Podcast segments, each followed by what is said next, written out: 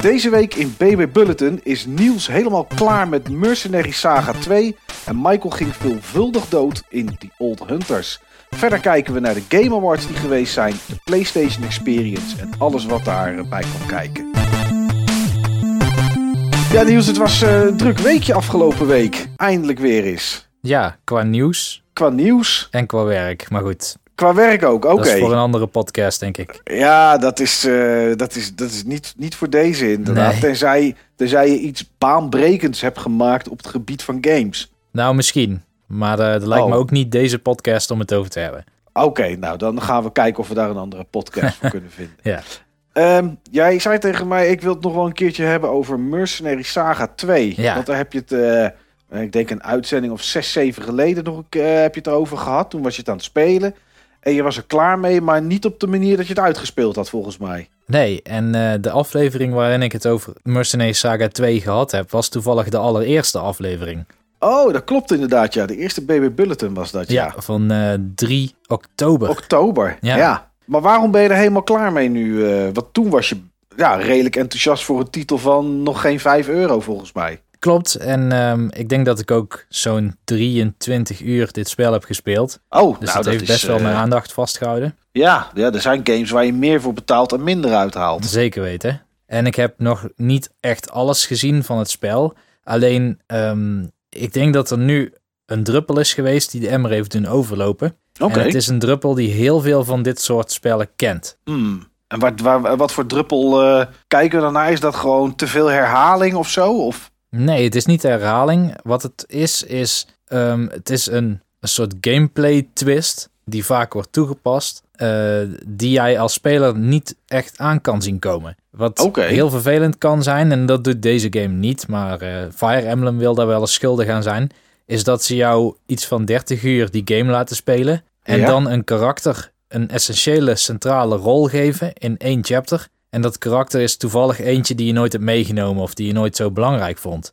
Ah, oké. En dat is bij jou dus gebeurd. Je hebt nog ergens een level 2 of 3 poppetje, terwijl de rest 40 is, bij wijze van. Mhm. En in één keer wordt dat level 2, 3 poppetje is in één keer belangrijker, wordt in één keer de hoofdrolspeler van een nieuwe chapter. Ja, en dan sla je nog geen deuk mee in een pakje boter natuurlijk. Het is dat, maar dan eigenlijk het omgekeerde. Oh, Dus ehm, level 31 is echt een, eh, is voor het eerst een level waarin je met een team werkt die groter is dan 6. Normaal breng jij 6 van jouw karakters mee naar een battle. oké. En bij mij zijn dat de zes karakters die ik vanaf chapter 20 of zo de hele tijd heb doorgeleveld en gebruikt. En dat zijn ook karakters die goed met elkaar samen kunnen werken en waarvan ik weet hoe je een, een veldslag kan winnen. Ja, precies. Alleen in de laatste twee chapters moet je alle karakters gebruiken. Dus alle karakters die je in het spel bent tegengekomen. En hoeveel zijn dat er? Of is dat gewoon maar afhankelijk van hoeveel je er bent tegengekomen? Dat zijn er volgens mij tien uit mijn hoofd. Oké. Dus het zijn er niet zoveel. Maar het is wel zo dat er dus vier van die karakters tussen zitten. Die je misschien al sinds dat ze level 16 zijn niet meer hebt gebruikt. Nee. En ehm, je speelt dan tegen een eindbaas. Een grote moeilijke eindbaas. Met een aantal moeilijke vijanden eromheen. En eigenlijk gaat alles altijd in één klap dood.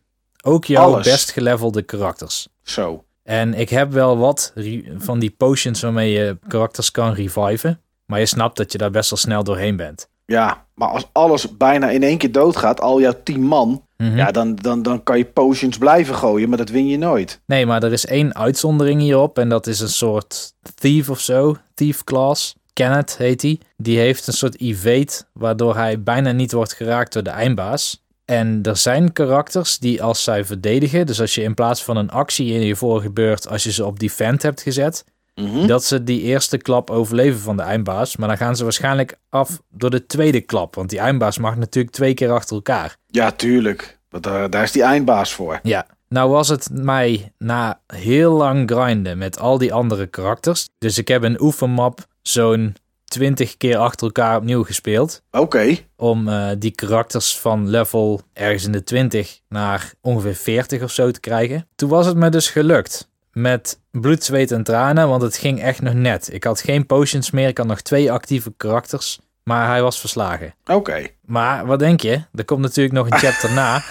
ja. En dat is gewoon weer dezelfde eindbaas met dezelfde vijanden. Alleen alles is nog weer een stuk sterker. En die komt direct erachteraan. En die komt direct je... erachteraan. Dus je, als je ter nauwe nood na uren grinden, als je ter nauwe nood een eindbaas hebt kunnen verslaan en meteen daarna moet je het nog een keer doen, maar dan een sterkere versie daarvan met dezelfde karakters, ja, dan Ja. geef ik het op. Ik weet precies wat ik moet doen. Gewoon nog vijf uur of meer misschien grinden en het dan wel halen, omdat je dan net één map meer kan weerstaan. Ja, maar dat, is, dat slaat nergens op natuurlijk. En kan je die karakters tussendoor wel healen, zeg maar, na die eerste battle? Of gaat het gelijk door en sta je dan met die twee tegenstanders die het overleefden, sta je tegenover die eindbaas weer? Nee, je kan wel healen en je kan ook gewoon weer items uit de shop kopen, dus je kan alles weer aanvullen. Maar ja, hij is zoveel sterker dat het nergens op slaat meer. Precies, en die healing items die zijn, eh, die zijn gecapt op 9. Ja, Dus je komt gewoon niet verder. Je moet precies dezelfde strategie doen als de vorige keer. Alleen moeten je karakters een level of 5 of 10 hoger zijn dan normaal. ik snap niet waarom ze dat doen. Had gewoon die eindbaas de, één keer verslagen en de game uitgespeeld Ja. gedaan, dan was het klaar geweest en dan was het prima. Ja, dit is nergens voor nodig. Nee. Ehm, ik denk dat het te maken heeft met dat het origineel eigenlijk een smartphone game was. Die free-to-play was. Ah, En misschien dat je iets moest doen of betalen of zo om eh, je karakters beter te laten levelen. Of ze wilden mensen langer met die game bezig laten zijn. Maar ik ben er wel klaar mee nou. Ja, dat kan ik.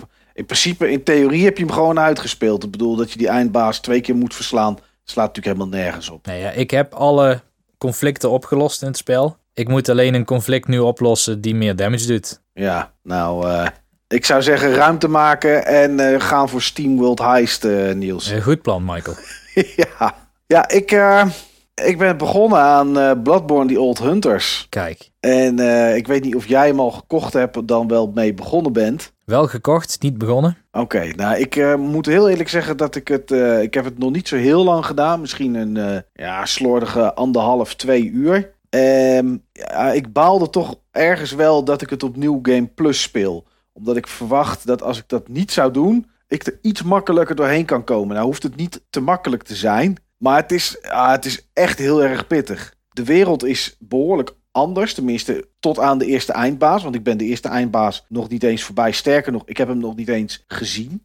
Oh, oké. Ehm, ja, ehm, het is een, een hele lichte wereld. Het is niet donker waar ik nu ben. En wat ze gedaan hebben, en daar zijn mensen die daar dan weer commentaar op hebben, maar ik vind dat wel heel erg tof. Ze hebben eh, stukjes gepakt van de huidige game. Tenminste, in ieder geval in dit level. En ik geloof dat dat niet overal zo is, maar wel in het begin.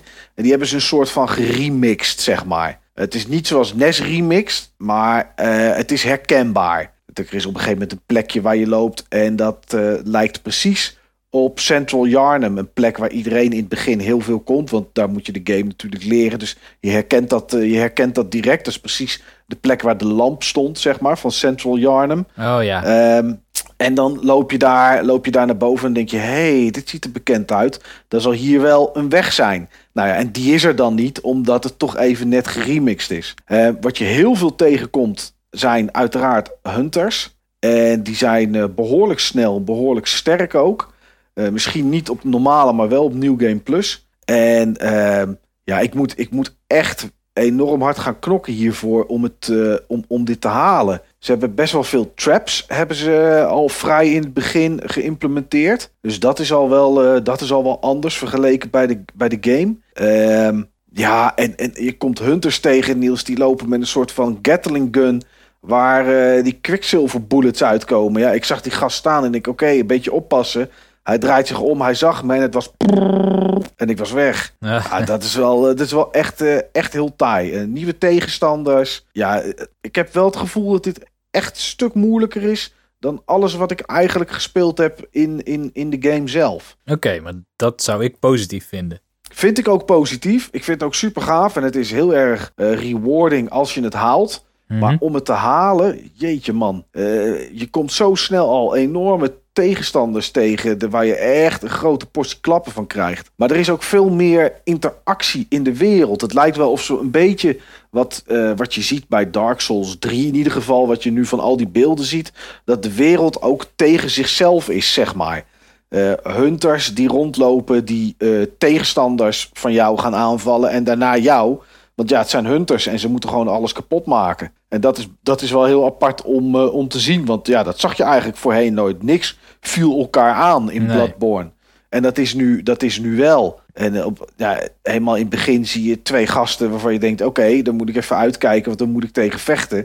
Nou ja, het blijkt dus dat die een trap oplopen en een deur doorgaan. Ja, goed. eh, loopt niet helemaal goed af voor die gasten. Nou, dat, had, dat was, zag je niet in Bloodborne. En dat zie je nu wel in de Old Hunters. Dus dat vind ik wel, eh, dat vind ik wel heel, erg, eh, heel erg gaaf. Ja, Ik heb mensen gezien die er met vijf, zes uur doorheen waren. Nou, dat ga ik echt niet halen. Ik weet ook niet of die mensen eh, NPC-hunters erbij hebben gehaald. Want dat kan nu. Kan op bepaalde plekken staan lampen. En dan kan je ja, met een belletje rinkelen. En dan komt er gewoon een computergestuurde hunter. Komt jou helpen. In ieder geval bij eindbazen kan dat.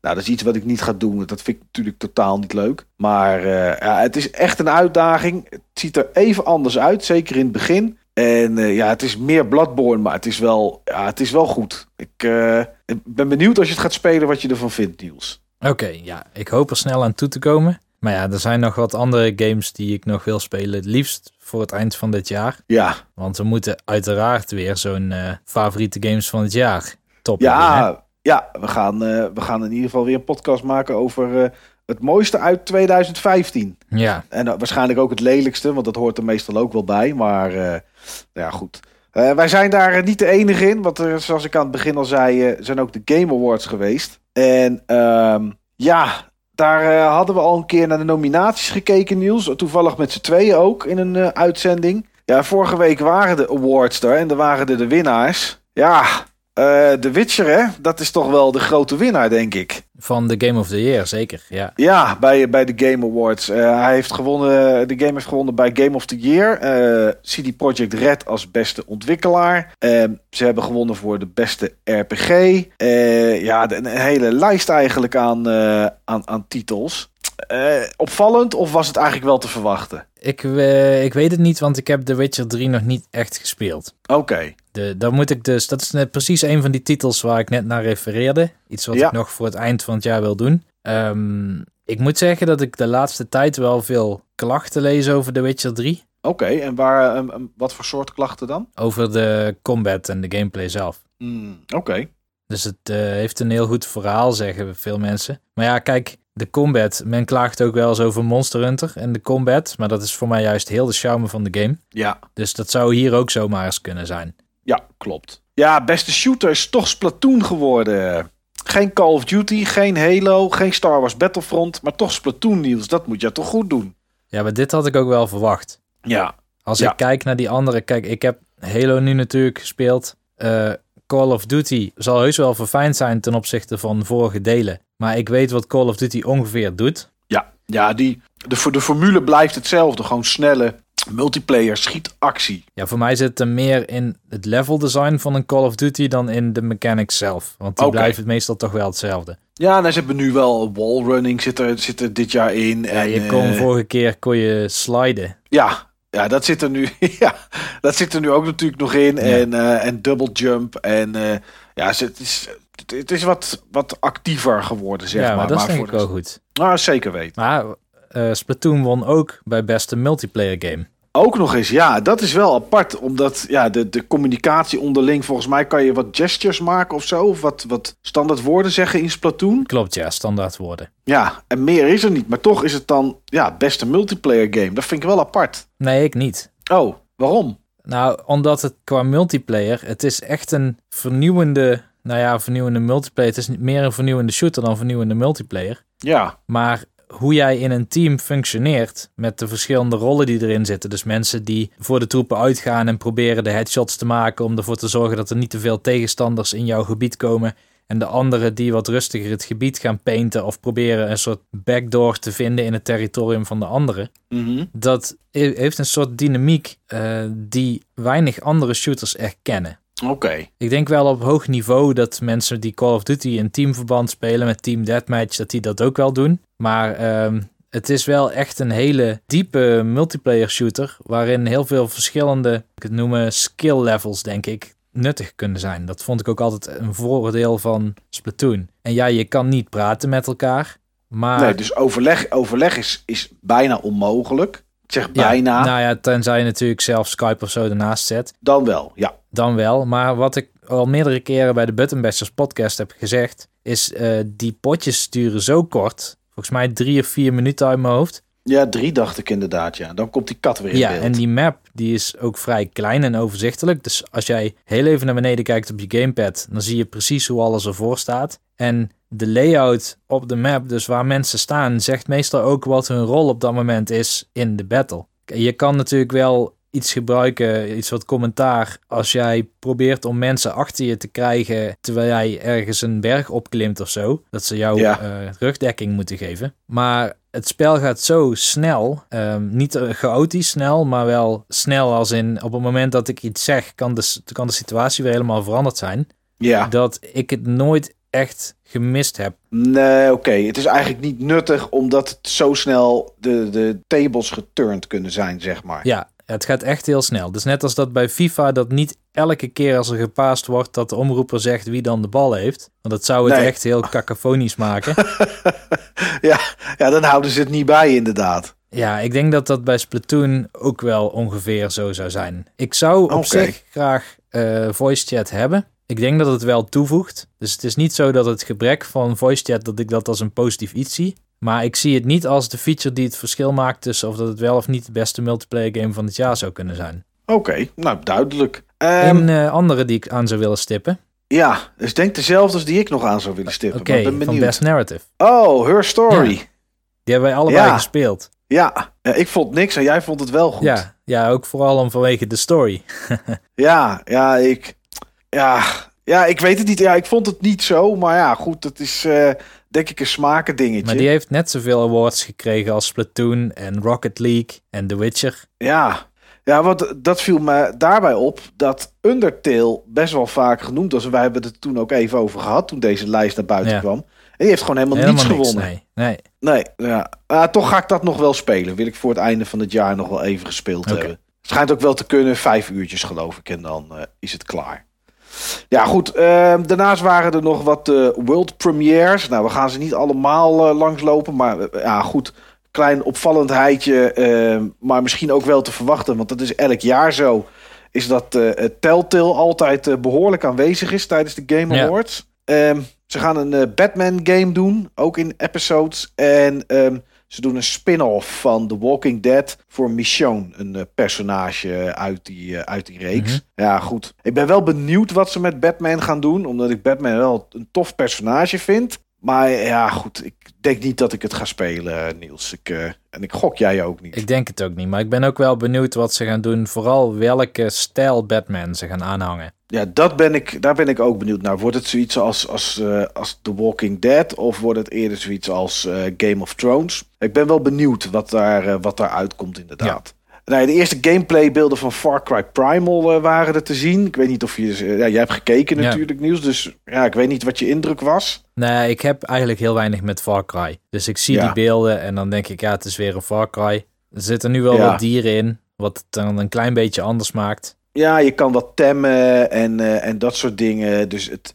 er zitten wel wat nieuwe elementen in. Maar ja, goed, het is gewoon een nieuwe Far Cry. Het zal vast redelijk tot goed presteren, denk ik. Ja. Ehm, er was ook, dat viel me wel op, had ik niet verwacht daar, een, een nieuwe trailer van Star Citizen. Heb jij daar iets mee, Niels? Nog niet. Oké, Nee, ik ben wel heel benieuwd naar Star Citizen, maar ik heb de vorige nooit gespeeld. nee. En dat zou nou typisch iets zijn waar ik me in het komend jaar in wil verdiepen. Niet Star Citizen specifiek, maar van die Space 4X games.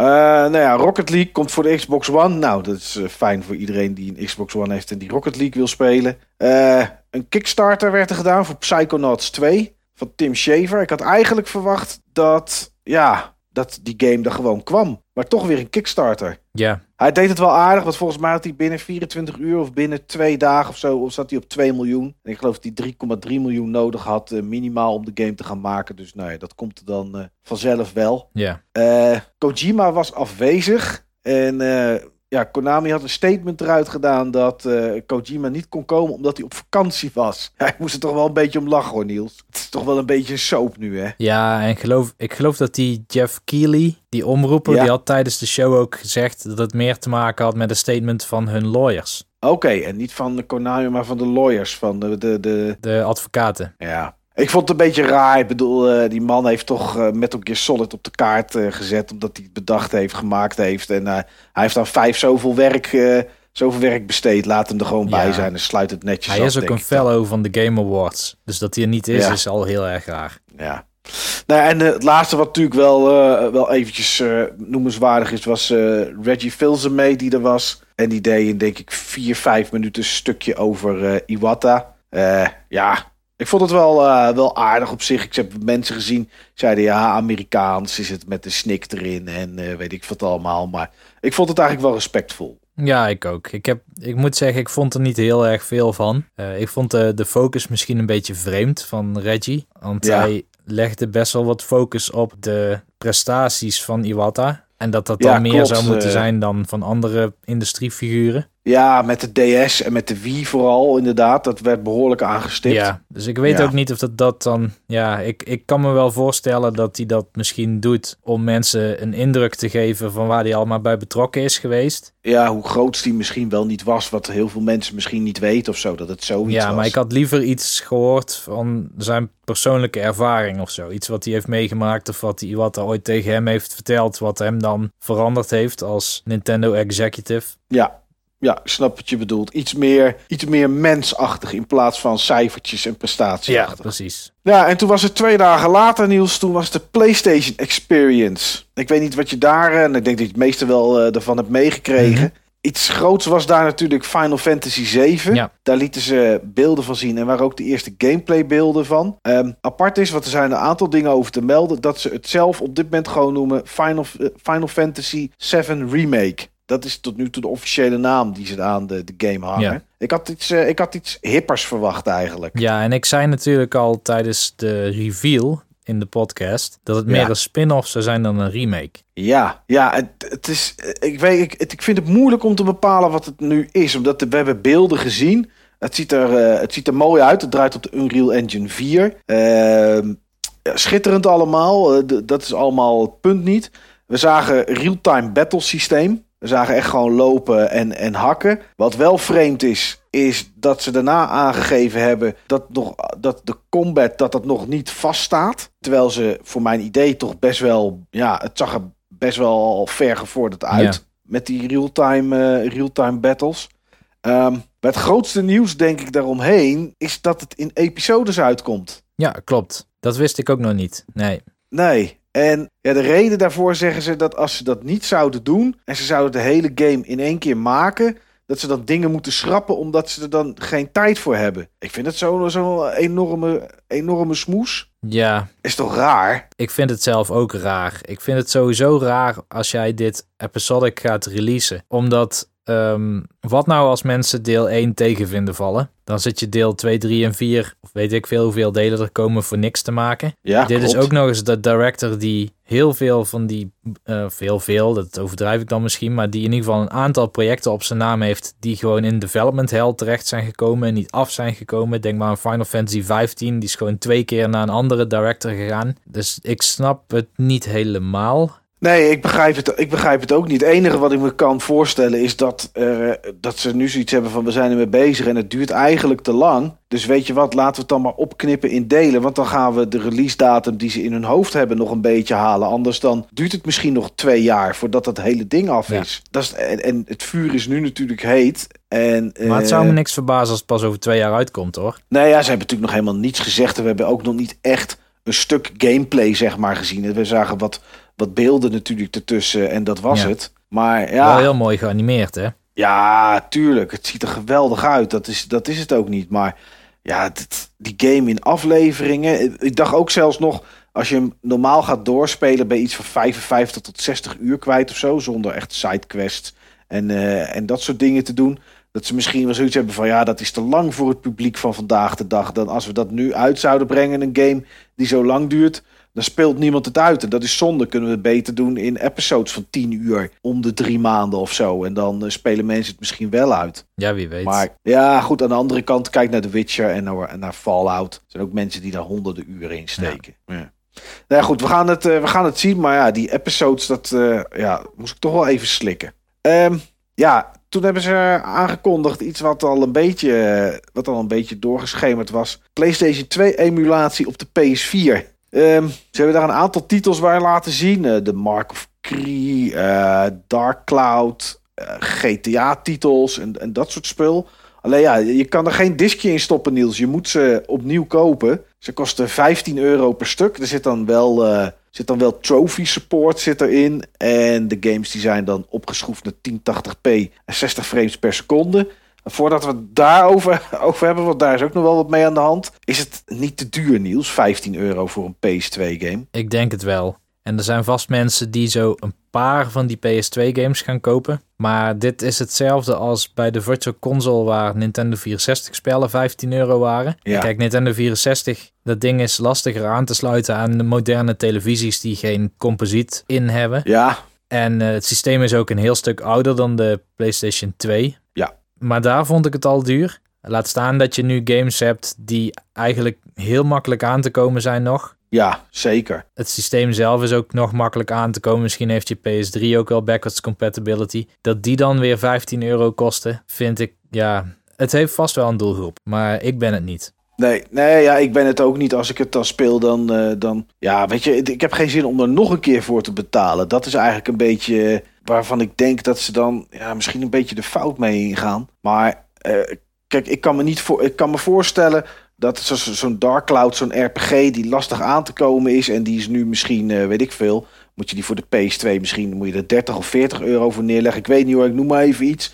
Dan zou ik me nog voor kunnen stellen dat voor mensen misschien interessant is. Ja. Maar aan de andere kant, als jij een PS4 hebt staan, ja, dan koop je denk ik toch liever The Witcher 3 of Fallout 4 op dit moment dan 15 euro uit te geven aan een PS2-titel opnieuw. Eh, Kan ik me voorstellen. Hoe leuk je die games ook vindt, eh, als je niet het apparaat hebt staan met met de game erbij, dan doe je het echt vanwege het nostalgische idee wat je er nog bij hebt. En dan denk ik dat mensen heel snel klaar zijn met dat soort titels te spelen. Ja, dat denk ik ook. Maar wat ik wel fijn vind, is dat hij ze upscaled. Want Ja. dat zorgt er in ieder geval voor dat bedrijven niet al te veel resources en eh, geld en personeel gaan besteden aan het maken van die HD remakes of remasters. Nee, dat klopt. Ja, Dan is, vind ik het leuker dat ze gewoon die PS2 games emuleren, upscalen, trofies erin en goedkoop aanbieden. ja, ja. Nee, dat is ook zo. Ehm, maar goed, je had het al even over upscalen en dat soort dingen. Ja, ik heb het wel gelezen, maar jij kan het vast iets beter uitleggen dan dat ik dat kan. Ik zag een filmpje van Digital Foundry, van Eurogamer.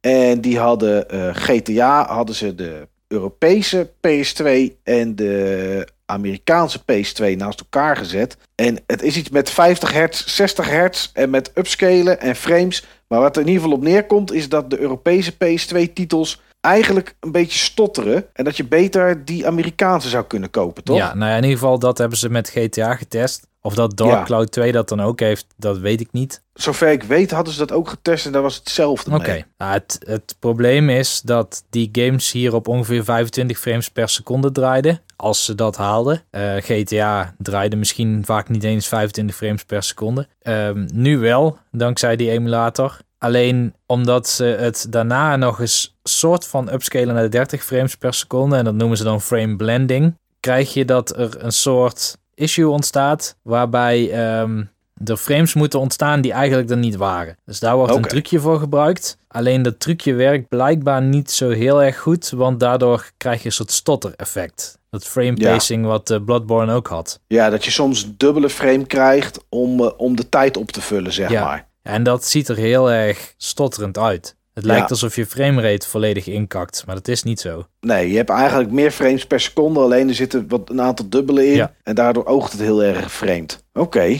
Is, het iets, is het iets wat ze kunnen verhelpen, denk je? Nou, ik denk het wel. Ik denk dat dit wel in de emulator te verhelpen is. Maar dat zal niet iets zijn wat, eh, wat volgende week in een patch uitrolt. Maar Nee. ik denk dat ze dit wel kunnen verhelpen. Het is iets anders dan bij Bloodborne, waar je een hele rendering pipeline hebt ingericht. Ehm, ik denk dat zo'n emulator wat dat betreft wel makkelijker te... aan te passen Juist. is. Nou, ik ben benieuwd. Eh, ja, over remaster gesproken. Dave the Tentacle kregen we een stukje van te zien. En het komt eh, pff, volgens mij in maart of zo komt hij ergens uit. Niet zo heel erg spannend nieuws, maar ik wilde het toch even noemen. Omdat ik namelijk, ik weet niet of je de trailer gezien hebt of dat je überhaupt al beelden eerder had gezien.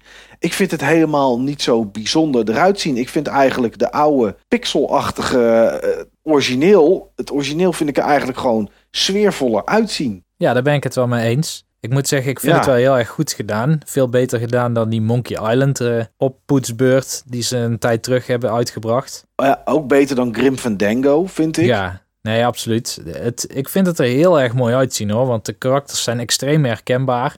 Hebben nog Ja. steeds wel de sfeer die ze hadden als pixel art. Alleen omdat het zo strak en klinisch is, komt het ook wel weer een klein beetje onhandig over op een bepaalde manier. Ja, klinisch. Dat is inderdaad denk ik het goede woord, ja. Ja, en bij die pixels, ja, ik weet niet. Het was, eh, ja, ik vond het er beter uitzien. Maar ja, goed. Het, eh, En dit is mijn favoriete LucasArts game. Maar Oké. ik weet niet of dat ik die remake ga kopen. hmm. Ja, dan ga ik gelijk nadenken over wat mijn favoriete LucasArts game is. Nee, dat weet ik eigenlijk niet. Ga, kom ik ooit nog wel een keer op terug. Ja, de, en het laatste dingetje wat ik wel leuk vond. Aan de andere kant dacht ik, oké, ik moet even zien hoe het uitpakt. Was de aankondiging van Nino Kuni 2. Nou goed, Nino Kuni heb ik eh, best wel wat uurtjes ingestoken op de PS3. En vond ik echt een hele leuke RPG. De stijl van, eh, van Studio Ghibli vond ik eh, echt super tof. Personages, alles. Alleen dit is toch even wel een andere tekenstijl wat ik hier zag, Niels. Ja, en het heeft misschien er ook mee te maken dat Studio Ghibli nu niet meewerkt aan deze game. Nee, het is wel level 5, dat Ja, wel. En dezelfde En, eh, muzikant, dat nog wel. Oké. Nou, dat is, dan ook, eh, dat is dan ook wel aardig. Maar goed, er zal vast wel een, eh, een, een, een leuke, mooie RPG uitkomen. Ik bedoel, level 5 is daar meestal wel goed in. Maar eh, ja, ik ben benieuwd wat daar, eh, wat daar, eh, wat daar uitkomt. En, en ook wanneer die uitkomt, maar dat zal nog wel even Nou, het enige wat mij zorgen maakt, is dat die Hino, zoals volgens mij de producer heet, Ja, dat die zei dat er een aantal verbeteringen in zaten ten opzichte van deel 1. Nou, dan ben ik benieuwd, want ik was niet zo'n fan van Nino Kuni. nee. Ehm, en de verbeteringen die die noemt, zijn nou precies de dingen die ik niet hoefde te horen. Oké, welke noemde die? Want die heb ik gemist. Dingen als verhaal en dramatische effecten erin. Ik wilde weten Oh. wat is er in die gameplay veranderd. Ja, en daar heeft hij niks over gezegd. Het was dramatisch en, eh, en verhaal. Ja, en Hmm. natuurlijk ook gameplay systemen of zoiets voegde die eraan toe. Ja, En dat was wel specifiek waar ik benieuwd naar was. Want dat was mijn struikelpunt bij Nino Kuni. oké. En was het dan het battlesysteem? Of Het was het battlesysteem, maar ook ehm, de, er zat eigenlijk geen exploratie in de game. Je loopt een gebied nee, in het begin niet. en, eh, en je, je zit gewoon op een pad. Ja, dat was in het begin was dat wel, maar op eh, als je later in de game zat, dan kon je wel, mm, had je een boot en dan kon je wel rond gaan varen en naar andere gebieden. En later kreeg je nog een, eh, een, een, een mogelijkheid om te vliegen. En ja, dan kon je eigenlijk naar elk stukje land kon je en kon je, eh, kon je daar zeg maar landen. Ah, Ja. Ook voor je sidequest was dat wel, was dat wel prettig. Maar ik geef toe, dat, dat, ja, dat had wel een uur of 10, 11, 12 nodig volgens mij.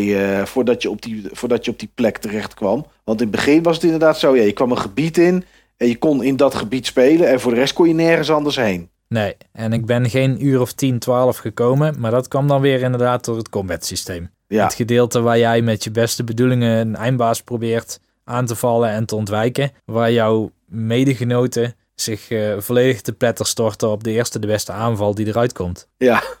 Ja, dat kan inderdaad gebeuren, ja. Nou ja, goed. We gaan het zien. Ik vond het in ieder geval een leuke, een leuke aankondiging. En eh, dat is dan wel een, eh, een game waar ik naar, eh, waar ik naar uit Nou, ik hou hem ook wel in de gaten. Ja, er was er toch, een, toch nog redelijk wat te doen de afgelopen week aan, aan games die, die in ieder geval in het nieuws waren. Ja, en als we kijken naar de games die uitkomen, Niels, is het schaars. Maar er komt wel iets. En eigenlijk het meest belangrijkste is eh, King's Quest eh, Chapter 2, Rebel Without a Cause. Die komt eh, volgende week komt die uit.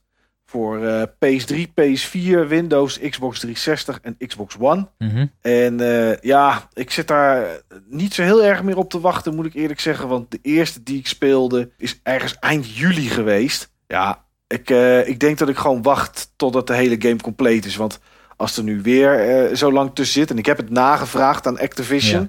van ja, hebben jullie al enig idee wanneer episode 3 dan komt? Ja, dat hebben ze nog niet. En dan vrees ik dat... eh, dan gok ik dat, dat nog een keer vijf maanden na deze, na deze episode... dat het me dat echt te lang gaat duren. Oké, ja. Dus eh, dat is niet iets, niet iets waar ik me aan, waar ik me aan, ga, aan ga wagen. Ja, Minecraft komt natuurlijk naar de Wii U. Dat, is, dat gebeurt ook volgende week. En ja, dat, dat was het eigenlijk, Niels, wat er nog eh, uitkomt. En ook eigenlijk gelijk wel voor het hele jaar. Tja, Nou ja, dan hoeven we volgende week niet meer op te lezen wat er allemaal uit gaat komen. Nee, nee, dat is. eh, ja, of er moet in één keer nog iets aangekondigd worden. wat ze zomaar de markt op slingeren. Maar dat, eh, dat zal ongetwijfeld niet gebeuren. Misschien een downloadable title. Ja, dat zou. nou, dat kan natuurlijk wel. Dat ze die in één keer. In één keer de markt op knallen. Maar eh, tot nu toe is dit het. Nou, ik denk dat de aflevering iets langer stiekem is geworden dan, eh, dan het half uurtje waar, eh, waarop we doelen. Maar ja, goed, met de PlayStation Experience en met de Game Awards en alle aankondigingen. moesten we het er toch even over hebben, Niels. Hopelijk worden we vergeven. Weet Ja, je wat? vast Maken wel. we de volgende met Steve gewoon een stuk korter. Precies. Nou, als jullie dat doen, dan trekken we het op die manier recht. Goed, iedereen eh, bedankt voor het luisteren. En eh, nou ja, ik kan niets anders zeggen aan het einde van deze podcast dan eh, tot volgende week.